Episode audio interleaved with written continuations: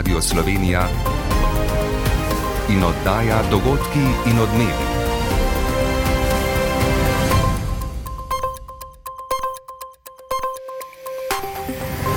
Ura je 15 in 30 minut. Dober dan v središču sobotnega športnega dogajanja je alpsko smučanje in kolesarska dirka v Franciji. Moško veleslalonsko tekmo za svetovni pokal v Kranski gori so si ob sončnem vremenu ogledali številni obiskovalci, ki so držali pesti za Žana Kranca. Ta je potem, ko je bil po prvi vožnji na drugem mestu, v finalu osvojil peto mesto. Je nekaj ljudi prišlo, tudi energija se čutila, da je bila dobra, navijali so tako, da ja, se čut. Uh, Jaz sem dal danes maksimum, naredil soliden rezultat, upam pa, da mi jutri pa rata še nekaj malenkost več.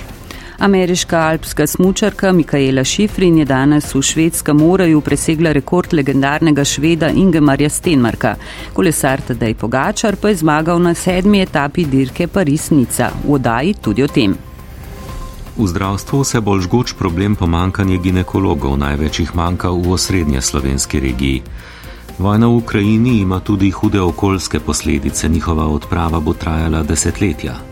V Mariboru opravili 44 res znamenite stare trte.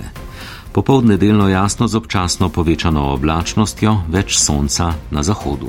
Z vami sva Miha Zor in Biljana Polak. Koncept zdravstvenega plačilnega stebra naj bi bil v tem tednu dokončno usklajen. Med drugim naj bi tako združevali posamezna delovna mesta in s tem uravnotežili nesorazmerja med obstoječimi razredi. Hkrati pa več kot 100 direktorjev zdravstvenih domov in bolnišnic zaradi plačnih nesorazmeri grozi z odstopom, saj bodo imeli kot vodilni nižje plače od svojih podrejenih. Minister za zdravje Daniel Bešič Loredan pa se bo moral očitno ukvarjati še z neuspelimi pogajanji glede naložb v zdravstvo zdravstvo, kjer se cena po pogajanjih z izvajalci poveča na mesto, da bi se zmanjšala. Več v prispevku Roberta Škarjanca. Do 1. aprila naj bi bilo povsem jasno, kako naj bi izgledal plačni stebr v zdravstvu, kamor so ponovem uvrstili tudi plačno skupino J, ki je doslej izpadla iz pogajanj v zdravstvu. Kot pravi zdravstveni minister Daniel Bešič Loredan, so stvari v večji meri usklejene. Mi se začnemo sedaj hitro, intenzivno in tudi konkretno pogovarjati. Pričakujejo predloge sindikalne strani, torej kako sami sebe vidijo v teh nekih novih uvrstitvah v primerjavi s starimi. A kot opozarja Gregor Zemljič, sindikata zdravnikov in zobozdravnikov. Staka je prekinjena, ni bila preklicana. E, zaveze, ki jih imamo s strani vlade v dveh sporazumih, so pa jasne. Ne? Pričakujemo, da se bojo pogajanja intenzivirala, da lahko zaključimo do 1.4.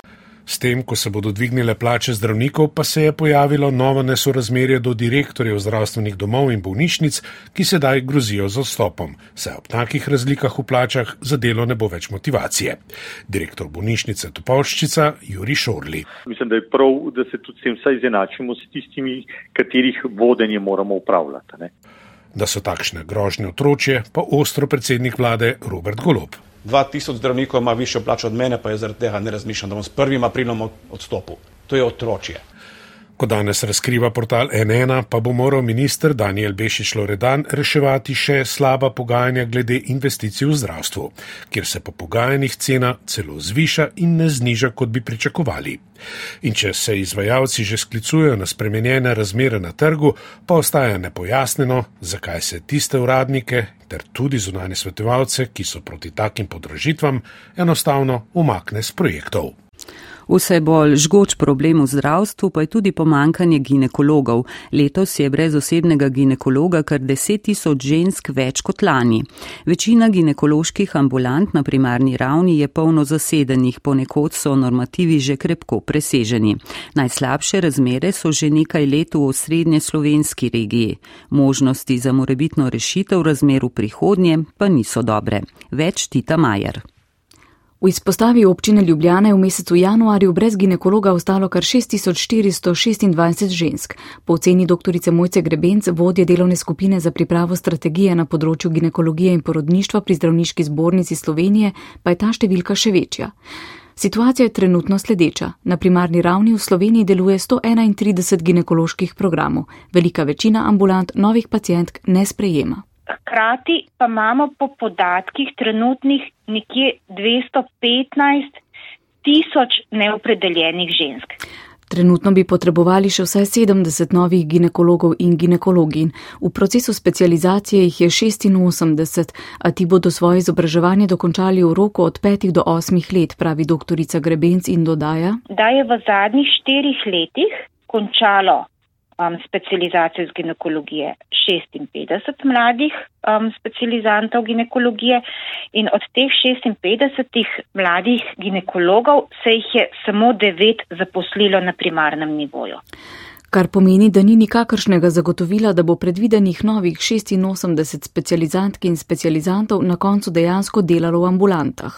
Posledice takšnih razmer bodo lahko za zdravje žensk usodne. Doktorica Mateja Kožuh Novak. Tiste, ki imajo denar, bodo seveda poiskale kogarkoli. Problem so revne. Tam pa lahko pride do vsega, tudi do tega, da se poveča število karcinomov, pa do tega, da bo spet kašna ženska umrla med nosečnostjo in porodom. Treba pa je računati tudi na upokojitve. V prihodnjih treh letih se bo 73 ginekologov in ginekologin upokojilo. V samolanskem letu jih je pogoje za upokojitev dosegla že več kot polovica. Tudi v Avstriji se soočajo z velikim pomankanjem zdravnikov, težave pa se bodo v prihodnjih desetih letih še poglobile, saj se bo upokojila skoraj polovica zdravnikov. Zato pri Avstrijski zdravniški zbornici in Združenju starejših Avstrijske ljudske stranke predlagajo, da bi zdravniki delali tudi po 70. letu starosti. Z Dunaja Petra Kozgnamoš. Kot nam je povedal podpredsednik zdravniške zbornice Avstrije Harald Schlögl, v avstrijskem javnem zdravstvu primankuje 300 zdravnikov, od tega okoli 180 splošnih zdravnikov. Zato so predlagali, da bi se starostna meja za zdravnike dvignila, torej da bi lahko zdravniki delali tudi nad trenutno zakonsko določeno starostno mejo 70 let. Težave imajo tudi pri specializacijah, še poudarja Schlögl. Velike težave imamo na področju pediatrije ginekologije in okulistov. To so tri področja, kjer bi potrebovali največ zdravnikov. Pri Zavodu za zdravstveno zavarovanje pa dvigu zakonsko določene starostne meje nad 70 let nasprotujejo. Poudarjajo namreč, da bi si želeli mesta napolniti z mladimi zdravniki. Že zdaj lahko izjemoma delajo zdravniki stari nad 70 let, če mladih zdravnikov ni. A stanje na področju pediatrije je kritično, pove predstojnica Dunajske pediatrične klinike Suzane Greber-Placer. 105 niedergelassene Ärzte in ganz Österreich, Kinderfachärzte. V primarnem zdravstvu je v Avstriji na razpolago 605 pediatrov in od tega samo 42 odstotkov v javnem zdravstvu, ostali so zasebniki. Zdaj vidite, kako zaskrbljujoč je ta razvoj. V javnem zdravstvu na Dunaju je prostih tretjina mest, prav tako v spodnji Avstriji. V naslednjih petih do desetih letih vemo, da se bo upokojilo še več pediatrov in teh ne bo mogoče nadomestiti namestiti. Ministrstvo za zdravje pa je ob tem napovedalo tudi zdravstveno reformo. V nadaljevanju odaje bo govor o dogajanju v Ukrajini, odkudar poročajo, da naj bi vzhod mesta Bahmut padel v roke ruske paravojaške skupine Wagner. Ukrajinska okoljska organizacija Eco Action je v sodelovanju z organizacijo Greenpeace oblikovala zemljevid najhujših uničenj, ki so jih povzročila ruska obstreljevanja in okupacija. Italijanska obaljna straža je v več akcijah na morju rešila približno tisoč migrantov. Med domačimi temami bomo pozornost namenili rezu znamenite stare trte v Mariboru. Trije cepiči bodo odpotovali na Hrvaško, v Sloveniji pa sta med prejemniki gimnazija Frana Miklošiča Ljutomer in občina Muta. Bili smo tudi na sinočni premjeri drame Gospa Delovej v Ljubljanski mali drami. Ameriški bančni regulatori so sprejeli odločitev o prenehanju poslovanja banke Silicon Valley, velikega posojilodajalca tehnološkemu sektorju, in prevzeli nadzor nad njenimi vlogami, kar je največji propad ameriške banke po letu 2008, ko se je začela svetovna finančna kriza. Delnice banke SVB so v četrtek strmoglavile, potem ko je banka objavila, da je pri prodaji vrednostnih papirjev izgubila 1,8 milijarde dolarjev, kar je pripisala naglemu zviševanju obrestnih mer. Oblasti so napovedale, da bodo imetniki zavarovanih vlog svoj denar lahko dvignili najpozneje v ponedeljek zjutraj. Denar zbran s prodajo premoženja banke pa bo namenjen nezavarovanim vlagateljem. Ukrajinski branilci Bahmuta so odločeni do konca braniti to mesto v regiji Donetsk, kajti z nadaljevanjem boja zadržujejo glavnino najbolj izurjenih ruskih sil, med njimi zloglasno zasebno vojsko Wagner. Po podatkih britanskih obveščevalcev je vzhodni del Bahmuta že v rokah pripadnikov skupine Wagner. Napredovanje težke oborožitve pa zdaj tako na eni kot na drugi strani ovira toplo vreme, ki ledeno pokrajino spreminja v blato. Podrobneje Matej Timothy Schurz.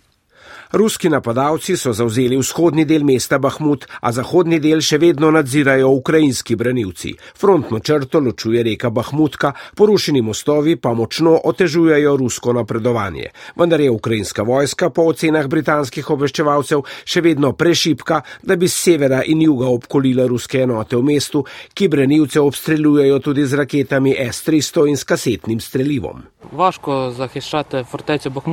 Težko je braniti Bahmut, kajti sovražnikove sile so tule skoncentrirane, nam pa blatne ceste onemogočajo uporabo vozil, pravi Mihajl, ukrajinski vojak v Bahmutu. Rusi mesto oblegajo že več kot pol leta in tu si lomijo zobe tudi pripadniki skupine Wagner. Da bi po hudih izgubah okrepil svoje enote, je njen poveljnik Evgenij Prigožin odprl kar 58 naborniških centrov v 42 ruskih mestih. Precejšnji zdrs pa si je sinoči privoščil ukrajinski predsednik predsednik Volodimir Zelenski in v zadrego spravil tudi finsko premijejko Sano Marin, ki je obiskala Kijev. Sinoči sta se namreč oba udeležila pogrebne slovesnosti ob smrti ukrajinskega vojnega heroja Dmitra Kocjubajla, imenovanega Da Vinci, ki je bil nedavno ubit v Bahmutu. Kocjubajlo je bil namreč pripadnik skrajno desnega neonacističnega gibanja Desni sektor. Medtem so svetovne gospodarske velesile v skupini G7 ponovile svojo obljubo o pomoči ukrajinski energetski infrastrukturi. Toda kot sporočajo v Kijevu, je omrežje vzdržalo. V državi že tri tedne zapored ni bilo redukcij, pred začetkom pomladi pa proizvodne elektrike beleži celo presežke. Ruskemu agresorju torej ni uspelo uničiti ukrajinskega energetskega sistema. Vojna v Ukrajini ima tudi hude okoljske posledice. Ukrajinska okoljska organizacija EcoAction je v sodelovanju z organizacijo Greenpeace oblikovala zemljevid najhujših uničenj, ki so jih povzročila ruska obstreljevanja in okupacija. Gre za številne požare v rafinerijah, poplave zaradi zrušenja jezov, povečano sevanje na območju nekdanje jedrske elektrarne Črnobil in uničevanje infrastrukture v elektrarni za porožje, kar močno povečuje tveganje velike jedrske nesreče. Špela Novak. Poleg velikih človeških žrtev, razsiljenega prebivalstva in uničene infrastrukture so ruski napadi v Ukrajini povzročili tudi ogromno okoljsko škodo, uničenje habitatov, požare, veliko onesnaženje in sproščanje strupenih in toplogrednih plinov. Zaradi posledic podnebnih sprememb, ki pomenijo toplejše in suhe zime in posledično spomladanske suše in manj pridelka, so kmetje začeli obdelovati tudi zemljo, ki je zaradi ruskega bombardiranja zelo onesnažena. Ženja Zasjatko iz ukrajinske okoljske organizacije EcoAction. Posledica bombardiranja je onesnaženje s težkimi kovinami. V premogovniških regijah, kot sta Donetsk in Lugansk, ki sta bili delno okupirani že od leta 2015, je bilo v tem času več kot 30 rudnikov poplavljenih, po februarju 2022 še dodatnih 10. To pomeni veliko onesnaženje vode s težkimi kovinami in tudi radioaktivnim materialom. V svetovni javnosti je največ pozornosti sprožilo obstreljevanje jedrske elektrarne za porožje. Še vedno je velika nevarnost, da bi prekinitve električnega toka v nuklearki vodile v jedrsko katastrofo, ker ne bi bilo več mogoče zagotoviti hlajenja sistema. Next, uh, Če bi se zgodila nesreča, bi bil to novi Černobil, vendar bi posledice prizadele celotno črnomorsko regijo. Od približno 900 dokumentiranih primerov so jih na spletni zemljevid uvrstili 30 z največjo škodo za okolje. Vsi primeri so potrjeni tudi s satelitskimi fotografijami. Glavni namen objave je opozoriti na to, da je po koncu vojne nujna tudi odprava okoljske škode. Okoljske posledice vojne bodo namreč v Ukrajini čutili še dolgo. Ameriško zvezdno državo Kalifornija je včeraj zajelo novo neurje, ki je povzročilo nenadne poplave, sprožilo se je tudi več zemeljskih plazov. Oblasti so odredile evakuacijo več območij, zlasti na severu Kalifornije, ki so jih v prejšnjih tednih že večkrat zajele močne padavine. Ameriški predsednik Joe Biden je odobril razglasitev izrednih razmer, da bi olajšal sprostitev zvezdne pomoči. Vremenoslovci opozarjajo na nevarnost novega močnega deževja tudi ta konec tedna, kar lahko še poslabša razmere. Kalifornija, najbolj naseljena ameriška zvezdna država, se to zimo sooča z neobičajno veliko količino padavin. Januarja je vrsta neuri povzročila številne poplave in zemeljske plazove, v katerih je umrlo 20 ljudi. Italijanska obaljna straža je v obsežni reševalni akciji na jug Italije prepeljala več kot tisoč migrantov, ki so na treh čovnih čez Sredozemsko morje v slabem vremenu skušali doseči Italijo. Evropska agencija za meje Frontex je italijanske oblasti včeraj opozorila, da je v morju pred Italijo več prenatrpanih plovil, ki bi zaradi razburkanega morja utegnila zaiti v težave. Italijanska obalna straža je na to danes v mestu Reggio Calabria pripeljala skoraj 600 ljudi, prenatrpan ribiški čovn s skoraj 500 ljudmi pa v pristanišče Krotone. Na krovu so bili po večini državljani Pakistana. Italijanske oblasti so še sporočile, da so ob obali Sicilije rešili še 200 ljudi, ki jih bodo prepeljali v Katanijo. Dogodki in odmevi. V Mariboru so dopoledne opravili 44. res znamenite stare trte. Zaradi del o prenovi lenta so slavnostni dogodek izpeljali nekoliko v stran na vojašniškem trgu. Trije cepiči bodo odpotovali na Hrvaško, v Međimurje, na polotok Pelešac in v Baranjo, v Sloveniji pa sta med prejemniki gimnazija Frana Miklošiča Ljutomer in občina Muta. Več Irena Kodrič Cizeral. Spomladanska res je uvod v novletni življenjski cikl trte, slovesnost pa se je začela s himno Stari trti. Odigral jo je pihalni orkester Kut Pošta Maribor. Z danes podeljenimi cepiči rastejo potomke v Sloveniji v 147 krajih, v tujini pa v 99, pravi skrbnik stare trte in mestni viničar Stanislav Kucutar. Najbolj oddaljene pa še vedno ostajajo tiste v Saporu, Melbourneu, Seulu, Pjongjangu. Najlepše rastišče pa je vsaj po mojem mnenju na Praškem gradu in uh, tam je zgodba, ki rase pod kipom našega arhitekta Plečnika, res na ekskluzivni lokaciji. Največ potomk raste v sosednji Avstriji, sledi Hrvaška in tam bo poslej eden izmed cepičev rasel na Pelješcu v občini Ston. Tam kmetijska zadruga Putnikoviči vodi prvi hrvaški muzej vinogradništva in vinarstva. Toni Rabušič pravi, da so za trto slišali pred dvema letoma. In čim smo saznali za ovo, obzirom da imamo svoj muzej vina, mi smo Ker imajo svoj muzej vina, so se nemudoma odzvali in poslali dopis, potem pa so se stvari odvile razmeroma hitro. Na pridobitev so zelo ponosni in upajo, da bo trta na njihovih tleh dobro uspevala. Med slovenskima prejemnikoma sta občina Muta in gimnazija Frana Miklošiča Ljutomer, ki zaznamuje 60 let delovanja, ravnatelj Zvonko Kustec. Seveda, rasla bo ob gimnaziji, upam, da še na dolga leta. Kandidati za cepič morajo izpolnjevati določene pogoje, prejemniki pa poročati o tem, kako trta uspeva.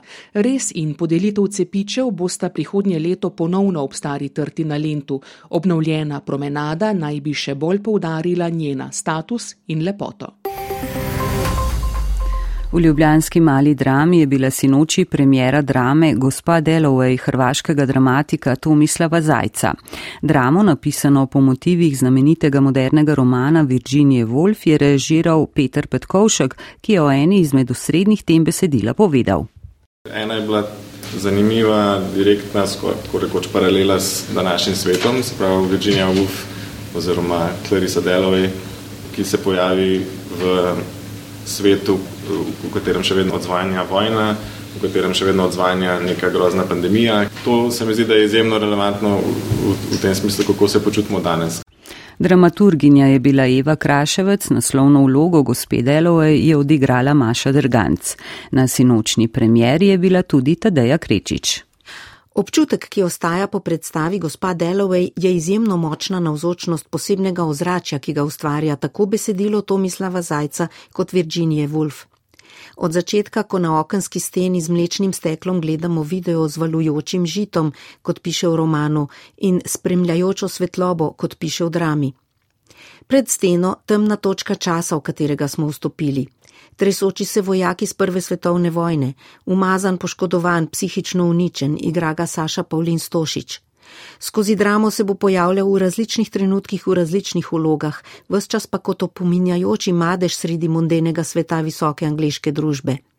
O njej piše in tudi je njen del gospa Dalloway alias Virginia Woolf v dnevu, ko pripravlja zabavo.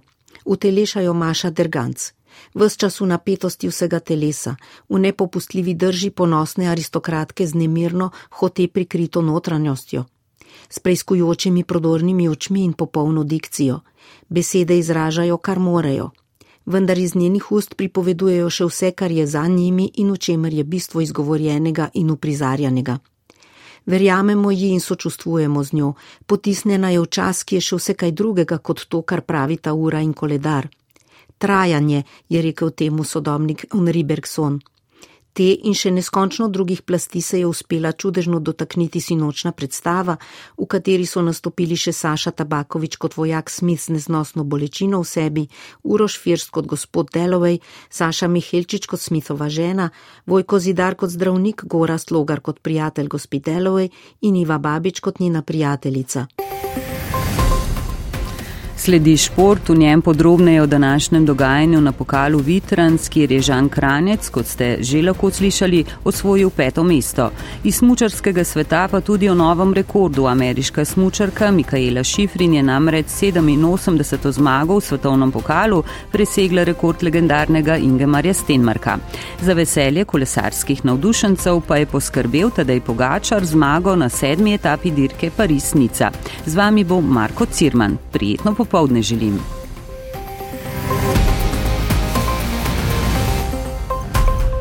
Mikaela Šifrin do rekordne zmage, Žan Kranjec peti v podkorenu, začenjamo pa s kolesarstvom. Tadej Pogačar je zmagovalec sedme etape na kolesarski dirki Paris-Nica. Pogačar je dobil etapo v velikem slogu na usponu na prelas Kuilol. Drugo mesto je usvojil francos David Godu, tretje pa danec Jonas Vingegor. Pogačar, ki je v 12 dirkalnih dneh slavil že sedmo zmago v sezoni, ima pred jutrišnjo zadnjo etapo pred Godujem 12 sekund prednosti in 58 pred tretjim Vingegorjem koncu pa gre šesta etapa na dirki od Tirenskega do Jadranskega morja, deseterica ubežnikov ima dobre pol minute prednosti pred zasledovalci na dirki, kjer je v skupnem vodstvu Primoš Roglič. Z kolesa na sneg, 62. pokal Vitranc, tradicionalno tekmovanje alpskih smučarev za točke svetovnega pokala, je danes ponudil prekrasno sončno kuliso in boje na močno soljeni progi v pomladnih razmerah. Najboljši veleslalomist Marko Odermat je dosegel novo zmago, Žan Kranjec je bil peti, Štefan Hadalin sedem. 17. Podrobneje Igor Tominec. Švicar Marko Odermat je vodil že po prvi vožnji, v finalu pa zadržal minimalno prednost in dosegel 21. zmago v karieri. I'm still in a good shape, still uh, enough energy to push, I guess, but it was a very tight battle today. 25-letni Švicar pravi, da je ob koncu sezone še vedno v formi, da ima še dovolj energije, da pa je bil danes boj res tesen. Drugo uvrščeni francoz Aleksij Pantiro je zaostal le 23 stotink sekunde, tretji je bil lanski dvojni zmagovalec Norvežan Henrik Kristoffersen. Najboljši slovenec Žan Kranjec je v finalni vožnji z drugega mesta zdrsnil na peto, to je izenačitev njegovega najboljšega kranskogorskega rezultata. Tudi v skupnem seštevku vele slaloma je ostal na želenem tretjem mestu, še vedno pa ostaja neizpolnjena želja, da bi stopil na zmagovalni odr pred domačimi gledalci. Sigurno si jih močno želim. Na splošno je lepo občutek biti na stopničkah tukaj doma, pa domnevam, da je še veliko lepše. In uh, jutri je nov dan, uh, treba se dobro smučati in upam, da je jutri ta dan, da mi to uspe. Štefan Hadalin je dosegel najboljši čas finalne vožnje in napredoval z 29. na 17. mesto. Anže Gartner in Rokažnoh sta nastopila z mislijo na nabiranje izkušenj. Jutri bo še en vele slalom.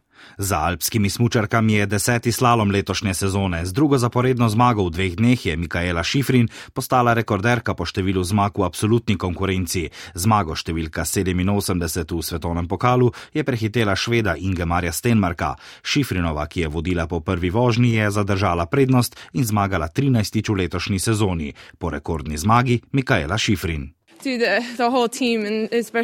Mikaela Šifrin se je zahvalila vsem, ki so jim pomagali v tej sezoni in nasplošno v celotni karieri. Po vseh teh letih je to nekaj neverjetnega in še enkrat se jim je američanka zahvalila. Druga je bila švicarka Wendy Holdener, tretja pa švedinja Ana Sven Larsson, Ana Bucik je bila po sedmem mestu v prvi vožnji, na koncu deveta. Sigurno je vsak rezultat med deset, nekaj lep rezultat sem si želela pač nekoliko več, eh, v drugem teku, v tistem zadnjem delu je malo zmanjkalo, oziroma se mogoče nisem tako lotila, kot bi se mogla tistega zadnjega dela v strmini in um, tam je šlo malo preveč časa, reka po zlu, ampak uh, sicer pa sigurno dobra tekma in uh, se že veselim finala naslednji teden. Nordijski smučari so se po svetovnem prvenstvu v planici preselili v Oslo na Norveškem, kjer so s tekmovanjem že opravili tekači in kombinatorci, prav zdaj poteka tekma smučarev skakalcev, ki jo spremlja Luka Dolar. V Oslu se je pravkar začela finalna serija, tudi s petimi slovenci. Po prvi seriji je na tretjem mestu Anžela Nišek, ki za vodilnim Štefanom Kraftom zaostaja le točko in 90, le 60, pa za drugo vrščenim domačinom Forfangom. Timi Zajc je po prvi seriji na 11. mestu, zaostaja 12 točk za prvim, Žiga Jelar je 15, mladi Rok Masle 22, Doman Prevc pa se je uvrstil na 28. mesto. Brez finala je ostal Lauro Kos na 35. mestu skakalcev so s tekmovanjem opravili kombinatorci, petič v sezoni je zmagal Riber, Gašpr Brecel je bil 48. Popolna prevlada Norvežanov pa na 50 km preizkušnji v klasičnem koraku zasedli so kar prvih deset mest, zmagal je Kruger. Biatlonska karavana je zbrana v Westersundu, kjer na današnji ženski štafetni preizkušnji Slovenija ni imela svojih predstavnic. Zmagale so norvežanke pred francozinjami in nemkami. Čez pol ure bo na švedskem še moška štafeta, nastopili bodo štirje slovenci: Cisar, Vidmar, Tršan in Dolžan. V Velenju se bo v nadaljevanju popodneva razpletlo tekmovanje za slovenski odbojkarski pokal. Finale tako v ženski kot moški konkurenci ponuja dvoboja najboljših slovenskih ekip zadnjih let. V popovdanskem ženskem finalu se bosta pomerila Kalcit in Mariborski branik, v večernem moškem ACH Vole in Kalcit. Uvod je pripravil Boštjan Reberšak. Po prevetritvi ekip so Mariborčanke in Kamničanke serijo medsebojnih tekem začele že pred dnevi, ko so Mariborčanke po dolgem času v polfinalu Srednje Evropske lige premagale velike tekmice. Povratek iz Zemlakar je dvignil apetite v Štajerski prestolnici, medtem ko pri aktualnih državnih prvakinjah in branilkah pokalnega naslova iz Kamnika izmenično manjkajo nosilke igre. Dolgo so čakali tudi na registracijo njene silah.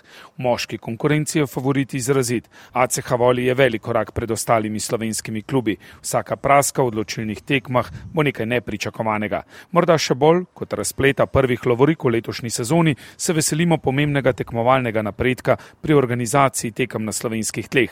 Prvič bo v domačih dvoranah namreč na voljo pregled videoposnetkov izogib odločitvam, ki bi pustile grenak pri okus sicer odličnim tekmam. V zadnjih letih so prav finalne serije in tekme ponudile nekaj izredno izenačenih dvobojev, po katerih je bilo več govora o sodniških odločitvah kot o zmagovalcih. Danes bo tako zagotovo v spredju odbojka, upamo na vrhunski tekmi in pravšnji uvod končnici državnega prvenstva.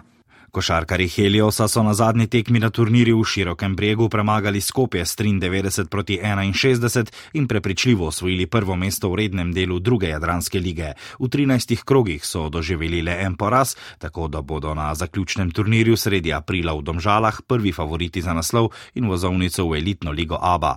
Z dvema tekmama se bo danes nadaljeval 26. krog domačega nogometnega prvenstva, ob pol šestih bo obračun Maribora in Sežanskega tabora, ob 20 in 5. 15 pa Kopra in Celja.